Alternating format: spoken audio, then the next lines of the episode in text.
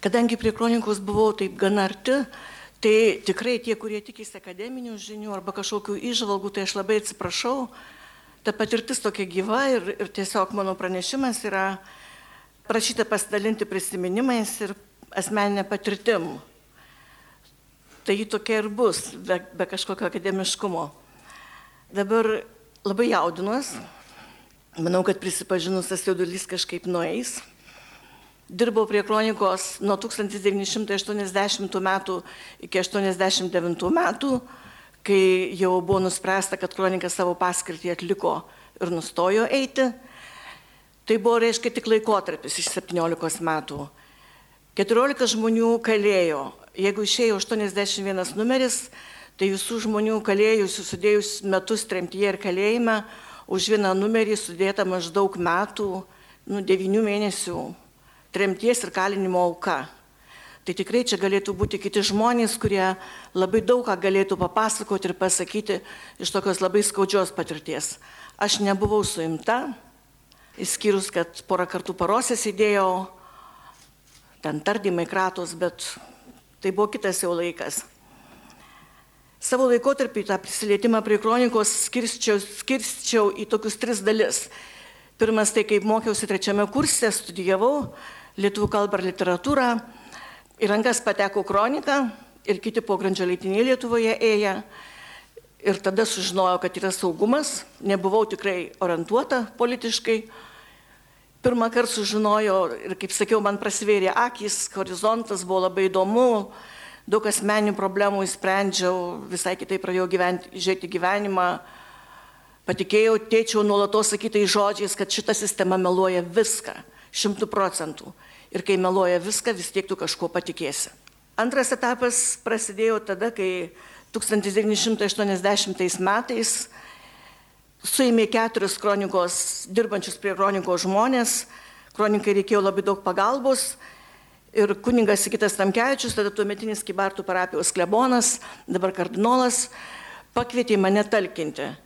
Pakvietė tiesiog turbūt, kad gimiau Kibartuose, buvau tik baigus litonistinės studijas, trys metai, kai buvau vienuolyjoje, mane jis pažinojo kaip kuningas parapijos klebonas ir pakvietė padėti. Kitų jokių nuopelnų tikrai neturėjau. Ta laiką laikau kaip tokį pasirengimo laiką, didės tokiam sunkesnė atsakomybė, nes tuo metu atsakomybės nenešiau. Aš tiesiog grįždavau savaitgaliais iki Bartus ir jeigu reikėdavo, redaguodavau tekstus, rankraščius. Nesakau, kad tuo metu nebuvo įtampos, kad, kad nebuvo kažkokio streso. Buvo, bet kaip sakau, mes gyvenom keturios seserys, mums visom buvo 25-27 metai, visos kažką tai darėm, niekada apie tai nekalbėjom, bet atsakomybę ne mes nešim, kaip sakome, mes nebuvom pirmų apkasų kareiviai. Dabar ką per tą laiką išmokau ir kokia, kokia patirtis buvo, tai buvo tai, kad pirmą kartą papuoliau į kratą, paskui buvo antra krata, po kratų sekė tardymai. Į vieną tardymą nusprendžiau nevykti, nes tiesiog Nioliai Sadūnai, tai Vladas Lapienis grįžę iš tremties parveždavo mums adresų ir aš turėjau adresą tokio ukrainiečio papadiuko, kuriam sitremtį siūsdavom maistą. Ir pas jį buvo krata, rado mano adresą ir dėl to mane kvietėsi. Tai aš nusprendžiau, kad neįsiu tą tardymą, tai patyriau tokį nuvesdinimą, sužinojau, kas yra ta vadinama varna arba varonokai, kai tave uždaro tokiam garde ir tą kelią, kol veža iki rajono, auklėje ir aiškina, kad tokius kaip aš reikėtų į Sibirą ištremti, o čia net terliotis. Galiausiai nerandau mašinos, kuo mane nuvežti, tai tada maršrutinio autobusu priskiria milicijos pareigūną, pasitaikė geras žmogus, kad ir neslėpė savo nerimo ir baimės, mane atvesdinti į saugumą, bet e, ant degtukų dėžutės mažais, mažais, mažų šriftų užrašė, tave seka tavo artimas giminaitis ir parašė, kas mane seka. Mes tai šeimo žinojom, bet kažkaip buvo patvirtinimas ir buvo brangus tas jo rūpestis vasarą, kad viena iš tų vasarų, kad stovyklavom prie ežerų su tikinčiu jaunimu, mane ir kitą seserį penkiom parom pasodino izolatorių. Tada supratau, kad norint neiti jokių, jokius kompromisus, turi būti psichologiškai labiau pasiruošus ir pasirengus mokėti kainą.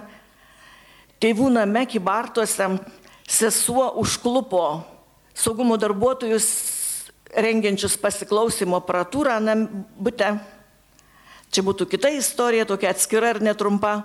Jie tikrai buvo viską sustigavę, kad niekas į namus negryž, bet grįžo, kai susirinkom šeima, vieno kambario lubose iki namo pastogiais radom pragrėžtą skylę, maždaug 3 cm skersmens, 4-3, atplėštus tapetus kambaryje prie maitinimo dėžutės Skylė buvo bandyta skėdiniu užklijuoti visą, mes išmalėm tokiu geležiniu virbu, nes dar buvo ne visiškai sušalęs.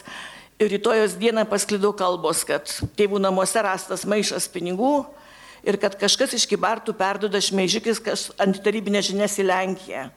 Tai čia buvo toks, man vėl nauja žinia, kad tikrai tėtis buvo teisus, nes jis nebuvo istorikas, bet jis labai domėjosi istoriją. Tuo metu turėjau išeiti iš mokyklos savo sprendimu, nes man mok, būti mokytoja buvo vienas iš didžiausių mano gyvenimo svajonių, išėjau pati, nes buvo neįmanoma dirbti jau.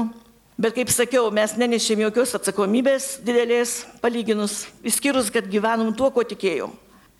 Dirbant prie kronikos buvo tokios taisyklės. Tai pirma taisyklė, kad žemės paslaptis, niekas neturi žinoti, ką tu darai.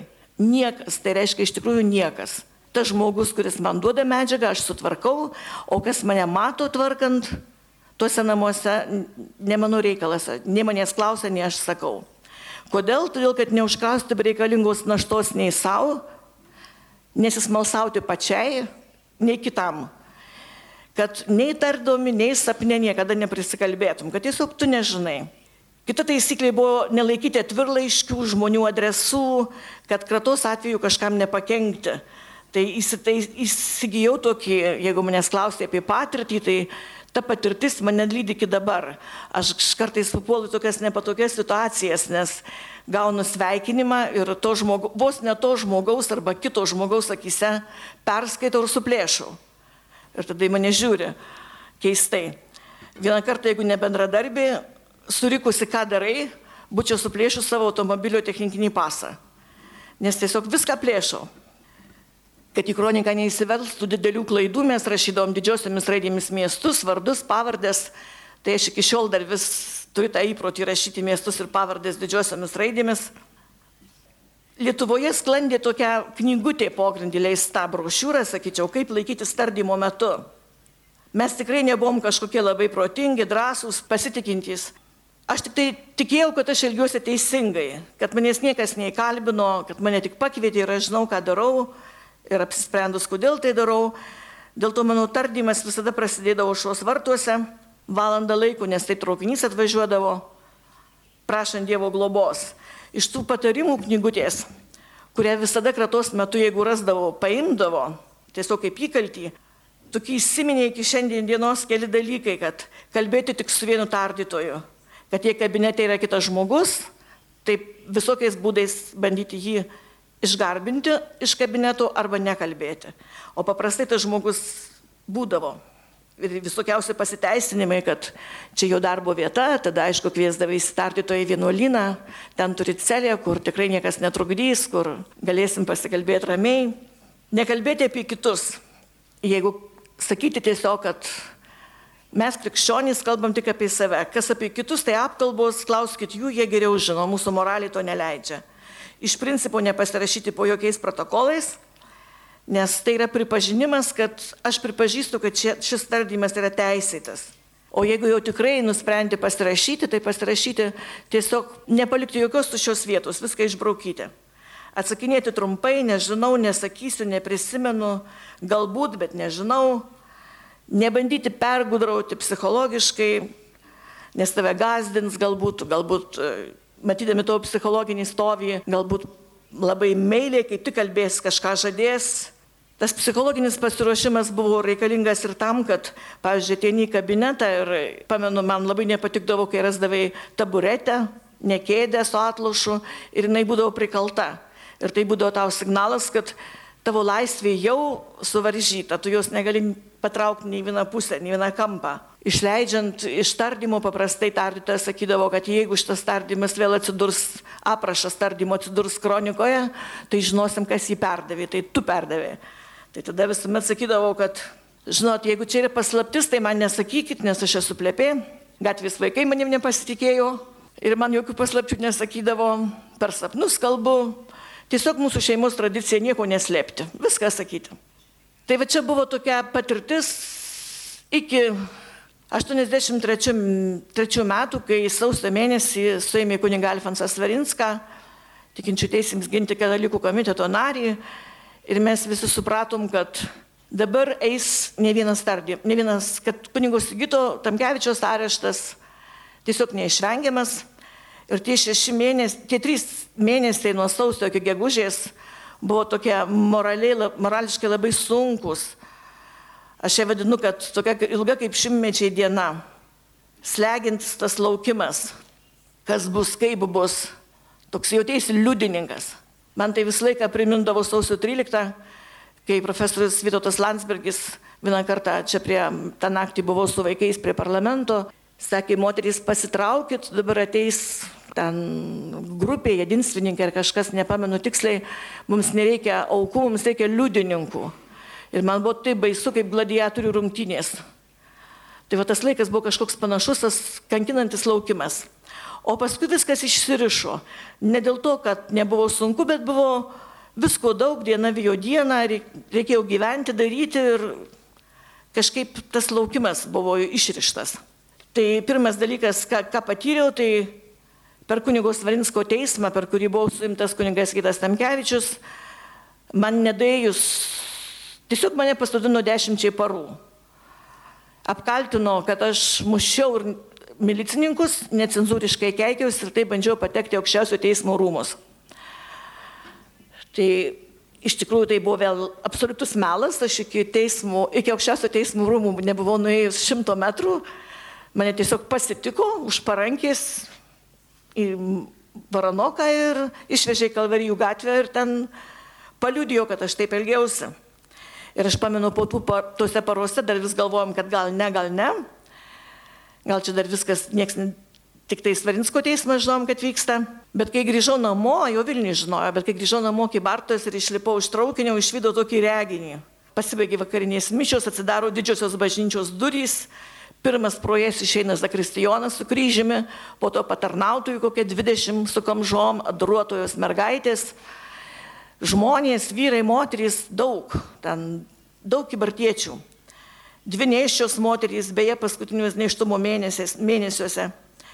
Ir keliais gėdodami litaniją eina aplink bažnyčią.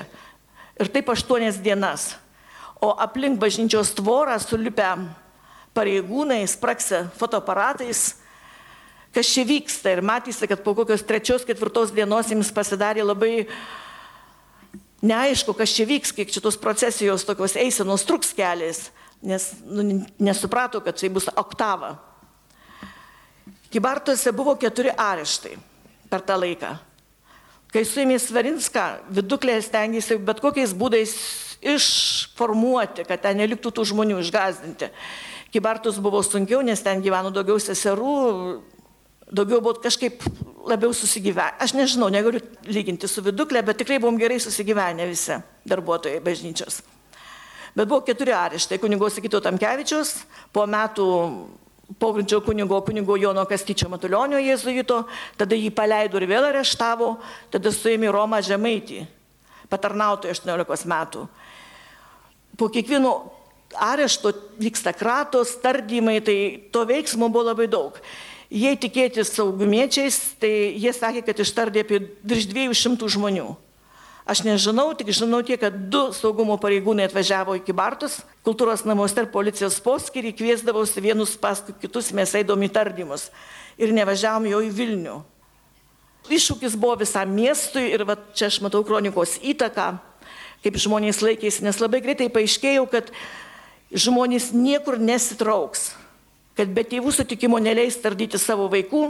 Griškaitė, Neonutė ar tokia birtė žemaitienė, kurios paskui sūnus suėmė, jas nubaudė 30 ir 35 rublių administracinėmis baudomis, be teisės skūsti, kam nors apskūsti. Po tardymo visi sugužėdavom į mūsų vienolijos namus, nes tiesiog mums buvo gyvybiškai svarbu kalbėtis. Bet buvo aišku, kad į procesiją vėlinim kas metai eisim, už ką ir suėmė kuniga Joną Kastytį Matulionį, kad melsimės už kunigus viešai, kad žmonės patys rašė protesto laiškus Sovietų sąjungos generaliniam sekretoriui, prokurorams, nuorašus ir kitus tokius pačius protestus laiškus Lietuvos atitinkamiems pareigūnams. Kiekvieną sekmadienį maždaug metus laiko, nu, gal taip ne kiekvieną metus, bet tas tęsėsi po kiekvieno arešto, 3-4 autobusai, 3-4 automobiliai išvykdavo į vyskupijos kitas parapijas arba Lietuvos kitas parapijas, rinkti parašus. Atsitraukusių žmonių irgi buvo, bet jie nesudarė kažkokio tai brandaus vieneto. Pamenu, tokiam, aš nežinau, ar šitie dalykai mums trukdė ir padėjo, bet va, tokioj atmosferoje reikėjo išleisti pirmąją kronikos numerį, nes kai redaktorius suėmė buvo išleistas 57 numeris. Mes žinom, kad po arešto niekada negalima nieko daryti, negalima judėti, negalima kažko neįprasto daryti. Tai tada praėjus kokiam trim savaitėm, visos keturios, kurios gyvenom Kibartuose, tos pačios vienuolijos seserys, išvažiavom už miestelio į tokį Suvalkyje pasižymė lygumom, pasirinkom pačią lygiausią vietą prie tokio šieno kūgio, kad matytumėm, jeigu kas nors mus seka ir pirmą kartą išsikalbėjom, ką kuri mokam daryti. Tai viena mokėjo fotojuostas daryti, kita žinojo, kur yra, iš kur galima medžiagą surinkti, kur yra aktyvus dirbantys žmonės, kur, kur kita žino kelius į Maskvą, kaip nuvežti, jau buvo buvus pas Kavaliovą, ten bilietus pirkus. Ir žodžiu, supratom, kad mes galim numerį išleisti. Nes prieš tai buvom su kunigu Sigitu kalbėję, kad mane tikrai areštuos, kaip jis sakė, bet kronika, turėtų, bet kronika būtų gerai, kad eitų. Tai numerį paruošėm kibartuose, o kibartuose spausdinti, pa jau rankraščius sutvarkėm kibartuose, nesiryžom, todėl nuvežėm į Marijampolės vienus vienorijos namus, iš Vilnius atvažiavo Gerardo Šuliauskaitė, tą numerį visą surašė, reiškia, mes ten turinys buvo surašytas, perspausdino mašinėlę, po kiek laiko mes atvažiavom, pasėmėm numerį, ten įvairiais konspiraciniais tokiais būdais. Ir tik pamenu, kad į rekolekcijas atrodo slaptas tokias pogrindinės atvažiavo kuningas Juozas Debskis ir kalbėdamas jisai žmonėms ir taip visiems pasakė, išgirdau, kad vakarus pasiekė 58 kronikos numeris ir tikriausiai dabar ne vienam kranta žvaigždutės nuo antpečių. Tai, žinot, man tos žvaigždutės visai nerūpėjo, bet aš džiaugsmas, kad mums pavyko tą pirmą, kad pavyko tą pirmą numerį išleisti ir kad žmonės suimti, o kronika vis tik eina, buvo toks begalinis, norėjom nu, bent tris numerius išleisti, bent kažkiek. O paskui apetitas auga bevalgant. Ir labai stengiamės nesidžiaugti viešai, kad neįsiduotumėm. Nes nei kuningas Juozas, nei kiti niekas nežinojo, kas tai vyksta, buvo labai ant rankų pirštų buvo galima suskaičiuoti žmonės. Aišku, nes naudė ir kita pusė. Ir noriu tik pacituoti, kaip žmonės drąsėjo. Tai čia viena iš kronikos 58 numerio, kaip elgėsi viena iš mūsų paprastai liniai parapietį. Nes mokyklose, įmonėse visur prasidėjo toks aiškinamasis darbas saugumo darbuotojų rajonų iš Vilniaus atvykusių, kad kaip ir aiškinti, kodėl suimti kunigai, kas čia atsitiko. Nepavyko išaiškinti. Ir va 83 metų gegužės 18, praėjus vos keliom savaitėm po arešto, po KGB viršininko vaišlos paskaitos iš salės pakilo Nagriškaitinė. Pareiškė, kad yra tikinti, turi tris vaikus, kurie dėl religinių įsitikinimų mokykloje buvo nuolat diskriminuojami, nors mokėsi gerai. Patikė eilę konkrečių faktų ir paklausė, tai kas šmeižia, klebonas ar jūs? Lektorius bandė pertraukti, o Grikškaitinė ir neleisti, Grikškaitinė ir neleisti jai kalbėti. Tačiau moteris pareiškė, jei aš turėjau kantrybės išklausyti jūsų kalbą, turėkite ir jūs. Tada pasiūlė Grikškaitinė viską išsiaiškinti dviese, bet čia moteris nesutiko. Jei jūs kleboną šmežėte girdint visai saliai, tai ir tiesą tegul girdi visi. Pagaliau saugumėtis neturėdamas ką daryti ėmė raminti. Neužilgo gausite naują kleboną ar padėtis susinormalizuos. Tai išeina, kad net jūs klebonus skirstote, pasipiktino Griškaitinė. Mes tikintieji dar nežinome, kas bus mūsų klebonas, o jūs jau žinote. Susinervinęs KGB viršininkas Vaišvilo pakėlė nuo stalo tarybinių įstatų knygelę ir pradėjo aiškinti, čia yra įstatymai ir jų reikia laikytis. Moteris atkirto, įstatymus aš žinau, neblogiau nei jūs, bet jūs jų nesilaikote. Geriau parodykite man apstatymų knygutę, kurie vadovaujatės. Man tai rodo, kad žmonės perėjo į polimą, ne tai, kad į gynybą, bet jie patys pradėjo, kaip mums privačiai sakydavo, kai buvo kuningas Sikitas Tamkečius, klebonas su mumis, tai jis už mus darė ir kokie mes buvom apkiautę. Ir dabar atėjo laikas mums patiems būti labai tokiam atsakingiam. Analogiška situacija darėsi mokykloje, čia iš 59 kronikos numerio, tų pačių metų Liepos 6 dieną, 83 metų, reiškia mėnesis po arešto. Iš dešimtokiais audroniais jūraitės tardymo. Tardytojas supykęs ant audronį kad audronė atsisako pasirašyti po protokolu, pagrasė, jog jis su tokiam pažiūrom į aukštąją mokyklą neįstos. Mergaitė atsakė, kad mokykloje jie jau baigė įtikinti, jog tikrai visi keliai aukštasias mokyklas tikinčiam jaunimui uždari, todėl nes, nepergyvena ir nesiruošia niekur stoti. Eisiu dirbti prie bažnyčios, pa, paaiškino audronė. Pamatęs, kad neišgazdino, Vidmentas Bauna Tęsi toliau. Jei dabar nepasirašysi, mes tave Vilnių įsivešime 15 metų, tada išmoksite pasirašyti. Nepadėjo. Protokolas liko nepasirašytas. Ir čia būtų galima daug vardinti. Kai vykdavo pas mus kratos, kai vyko viena iš, atsimenu, iš eilinių kratų vienuolijoje, ir mes visuomet stengdavomės perspėti vaikus, kad neteitų pas mus, kad nesusigadintų nu, kažkaip biografijos savo, vis tiek norisi, kad tie vaikai baigtų mokslus, kai kurie labai gerai mokys ir įstotų. Aišku, jie neklausydavo, jiems 17-16 metų ir jie visi rinkdavosi prie mūsų namų, prie langų. Tai neramino saugumo darbuotojus ir jie reikalavo, kad mes juos išskirstytumėm, pasakytumėm, kad išsiskirstytų. Aišku, mes atsisakėm to daryti, sakydami, kad tai gatvė. Ir vieną kartą jie bandė, ten turbūt ir buvo tas vienas kartas, bandė automobiliu varonokų išvažiuoti ir pagazdinti vaikus. Bet čia buvo tik dar įdomiau, jie Savas miestelis turi daug privilegijų, daržai, sodai, visos tvoros peršokamos.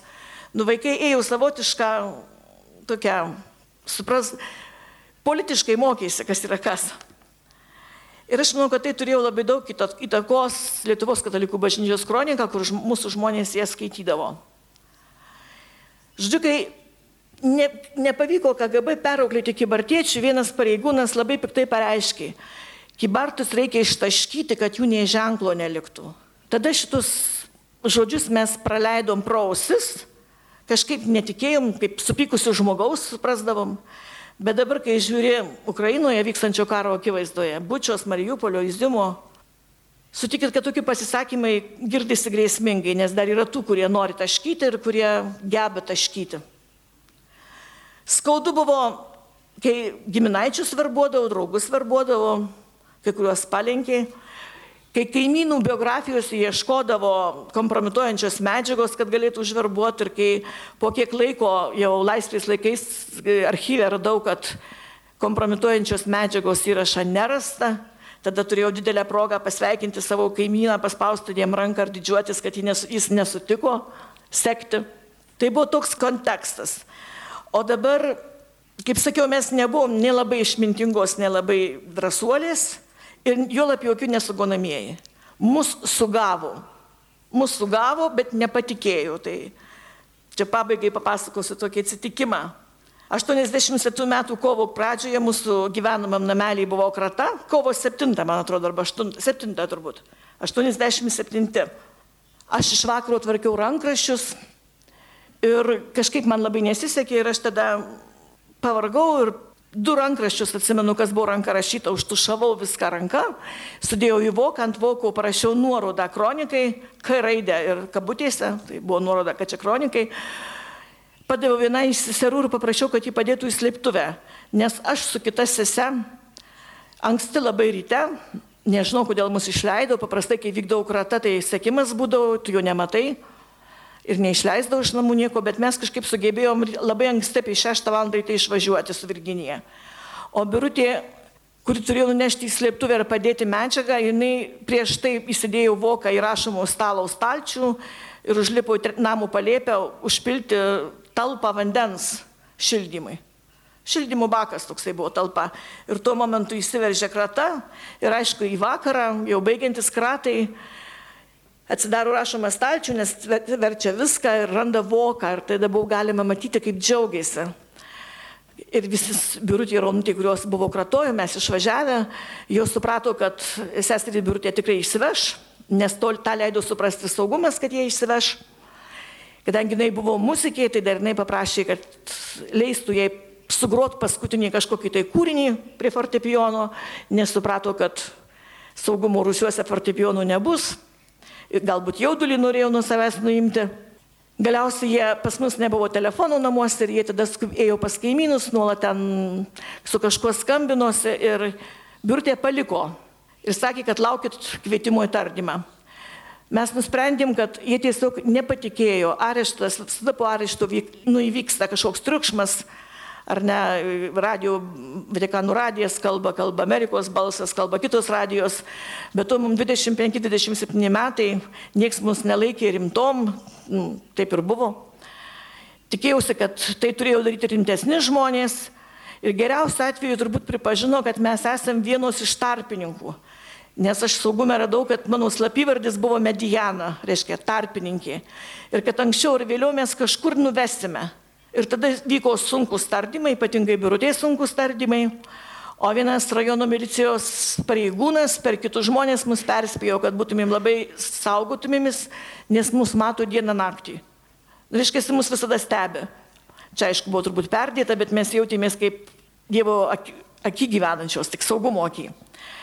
Ir tada buvo aišku, kad leisti 73 numeris buvo rengiamas ir kad leisti 73 numerį Kibartose jau visiškai neatsakinga, Tuo metu iš Maskvos buvo grįžusi besislapstanti Nijolė Sadūnai, tai mes medžiagą perdavėm Šaliauskaitė Gerardai, Gerarda viską surašė su kunigu Borta, kaip numerį paruošė ir perdavė Nijolė perrašyti ranką. Antakalnį Nijolė Sadūnai perrašė du ranką egzempliorius per kalkę ir padavė vieną numerį Vasgelevičiūtė sesteriai Bronė, kuri paliks Lietuvoje, o kitą jinai ruošėsi įsivežti į Maskvą, perrašyti dar kartą ranką, labai smulkiai, jūs gražus raštas ir taip perduoti į užsienį, ne mašinėlė rašyta, bet jau ranka. Vasgelevičiūtė pamanė, kad ne tą egzempliorių jai padavė, ne pirmą, o antrą turėjo paduoti ir jinai grįžo pas Nijolę į tą patį būtą, kuriame jau buvo krata. Nijolė tuo metu buvo pasislėpusi rūbų spinto ir plėšė savo antrąjį egzempliorių, o bronelį atnešė antrą. Ir 73 numerio vėl nėra. Ir tada Vilnius lygiai taip pat užspaustas, kaip ir kibartai užspausti. Ir tada buvo neaišku, ką daryti. Mane išvežė operaciją. Ne dėl to, tiesiog eilinį prie, eilinis buvo priepolis ir aš iš, išvykau parisėt po operacijos. Ir kai grįžau, sužinojau, kad visi bendrom jėgom vis tik atlaikė, atgamino medžiagą ir kibartiškais, kadangi buvo pakankamai jaunos. Ir kaip sakydavo, daryk per daug akivaizdžiai ir nesupras, kad tu taip darai. Nu nepatikės, kad atsidarius langus rašai kažką tai kenksmingo. Ir jos išleido tą 73 numerį saugumo archyvose aš radau tokį įrašą, kad jų rankose du numeriai 73, bet jie neidentiški, jie skirtingi, bet apie tą patį. Ir nesuprato, ant ko buvo užlipę. Tai vad Dievas gelbsti. Tuo dar nesibaigė lygiai po pusę metų pas mus antrą kartą. Ir čia jau nepatikėti negali, nes Aš sėdžiu namuose, žinau, kad už dviejų dienų atvažiuos, atvažiuos iš vakarų žmogus, kuriam reikia fotojuostą paduoti. Šriftą par, parnešė sesuonutė iš slėptuvės, kad pasikeiščiau rašyti jau tuo kaltuoju šriftu, su kurio kronika rašoma, bent jau keturi numeriai. Ir aš negaliu rašyti. Aš nesuprantu, kas yra. Man reikia dviejų dienų parašyti numerį, persurašyti paruoštam numeriui, o aš negaliu. Aš sėdžiu ir rašau tokius posakius. Iš rekolekcijų užrašų. Gerai, kad pas mus kratos užmigti neleidžia. Supuvęs kelmas netinka dengimui. Gerai, kad jūroje audros vanduo švaresnis. Tokias žodžių sentencijas, kurios man patinka.